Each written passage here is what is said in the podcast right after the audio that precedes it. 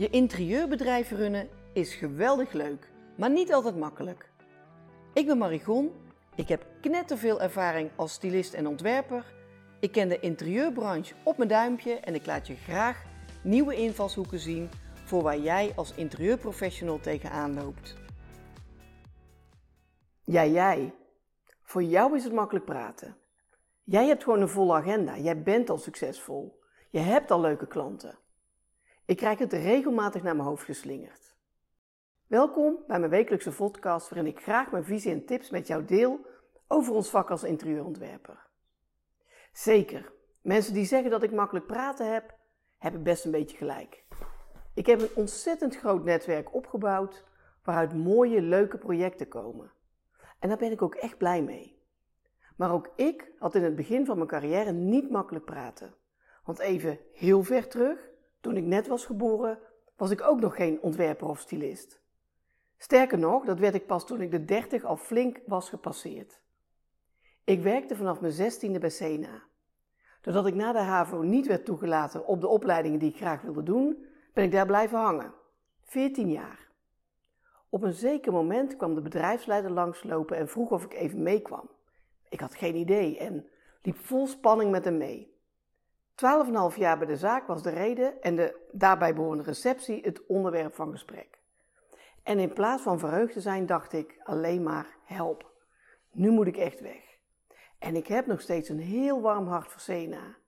Ik heb er veel geleerd, ben opgeklommen van zaterdaghulp naar leidinggevende, was vicevoorzitter van de ondernemingsraad en zat op het hoofdkantoor op het Damrak als jongste medewerker ooit in de centrale ondernemingsraad bij meneer Brenninkmeijer aan tafel. Maar ik switchte naar IKEA, waar ik een superleuke tijd had. In plaats van werken in het designteam, kwam ik toch weer in de winkel terecht. Ik werkte weer als leidinggevende, want daar had ik ervaring mee en dat was precies waar IKEA naar op zoek was. Maar in plaats van jurken verkocht ik gordijnen. En ik was nog steeds met planningen en allerlei praktische zaken bezig die horen bij een groot winkelbedrijf. In de zomer van 99 werd ik benaderd door een vriend die reclamebureau had. Hij was op zoek naar een stylist voor een intensieve fotoshoot van een groot tapijtmerk. Hij vond mij er geknipt voor. Ik nam een week vakantie op bij IKEA en stortte me op deze klus. Alles was nieuw. Ik had echt geen idee, als ik daar nog aan terugdenk.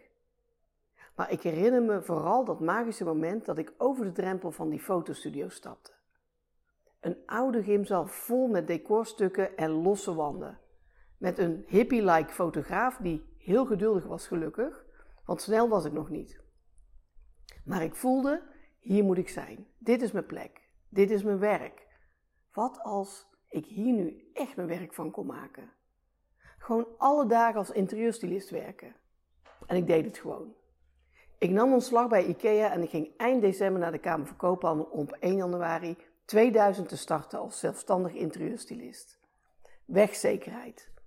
Het was spannend, het was eng en ik moest nog ontzettend veel leren. Ik had in mijn eentje een hypotheek die door een fikse rente aan de hoge kant was, maar die wel betaald moest worden. Ik geloofde erin en ik vertrouwde op mezelf. Mooie opdrachten kwamen langs.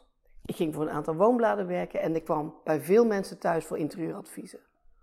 En voor jezelf werken blijft altijd onzeker. Geen maand is hetzelfde. En dat werd de constante. Die eerste klant van het grote vloermerk is trouwens nog steeds mijn klant. En dat ik makkelijk praten heb, is nog steeds niet het geval. Toen COVID voorbij kwam, was mijn agenda in één klap leeg. Er kwam er geen geld meer binnen en moest ik mezelf opnieuw uitvinden. Werken aan je bedrijf is een ongoing proces. Ik woonde in India, kon lange tijd niet terug, had geen inkomen meer en ging eens rustig nadenken. Waar liggen kansen? Wat kan wel? Waar ligt mijn kracht? Waarmee kan ik helpen? We weten allemaal dat online werken en met elkaar in contact komen in het voorjaar van 2020 een enorme vlucht nam. Ook ik dook erop. Op 8 april 2020 gaf ik mijn eerste online webinar vanuit onze tuin in India met tropische vogelgeluiden op de achtergrond, met knikkende knieën. Kijken naar dat groene puntje op het scherm is echt wel wat anders dan trainingen op locatie geven in een klaslokaal in Nieuwegein.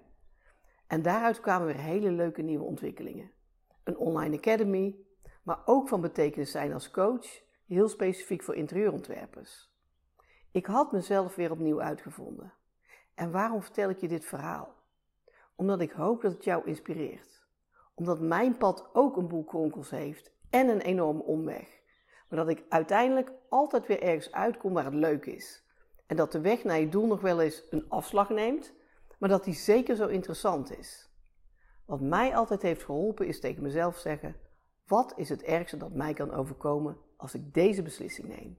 En de grap is dat als je daar echt over na gaat denken, het er meteen rooskleuriger uitziet, omdat alles overkomelijk is. En ja, misschien pakt een beslissing niet helemaal uit zoals je hebt gedroomd, maar toch gaat die ervaring zorgen dat je een stap verder komt. En dat is het kronkelpaadje waar ik ook overheen ben gegaan. Een paar keer in je leven moet je een piketpaaltje slaan. Waar sta je nu? Welke kant wil je op? Wat wil je echt? Als je op het punt staat om zo'n piketpaaltje te slaan en je blijft maar rondjes draaien, grote kans dat je behoefte hebt aan een personal trainer voor je interieurbusiness. Iemand die echt naar je luistert en naar boven haalt waar je kracht zit. Die goed aanvoelt waar jij naartoe wilt en die met je kan sparren over de aanpak daarvan. En die persoon wil ik voor je zijn. Stuur me een mail, dan maak ik graag een half uurtje tijd voor jou. Ik ben dol op het maken van deze podcasts, dus als je een goed onderwerp voor mij hebt, iets waar je tegenaan loopt in je werk als interieurontwerper, laat het me graag weten. Dan neem ik dat onderwerp de volgende keer mee. Tot de volgende. Leuk dat je luisterde of keek naar deze podcast. Loop jij regelmatig tegen dingen aan in je interieurbedrijf waar je geen raad mee weet? Ik kijk graag met je mee en zoom in en uit op jouw bedrijf. Ik zie razendsnel welke winstkansen er voor jouw interieurbedrijf zijn. Ga naar marie-gon.com, start simpel met het invullen van de vragenlijst op mijn coachingspagina en ik neem heel gauw contact met je op.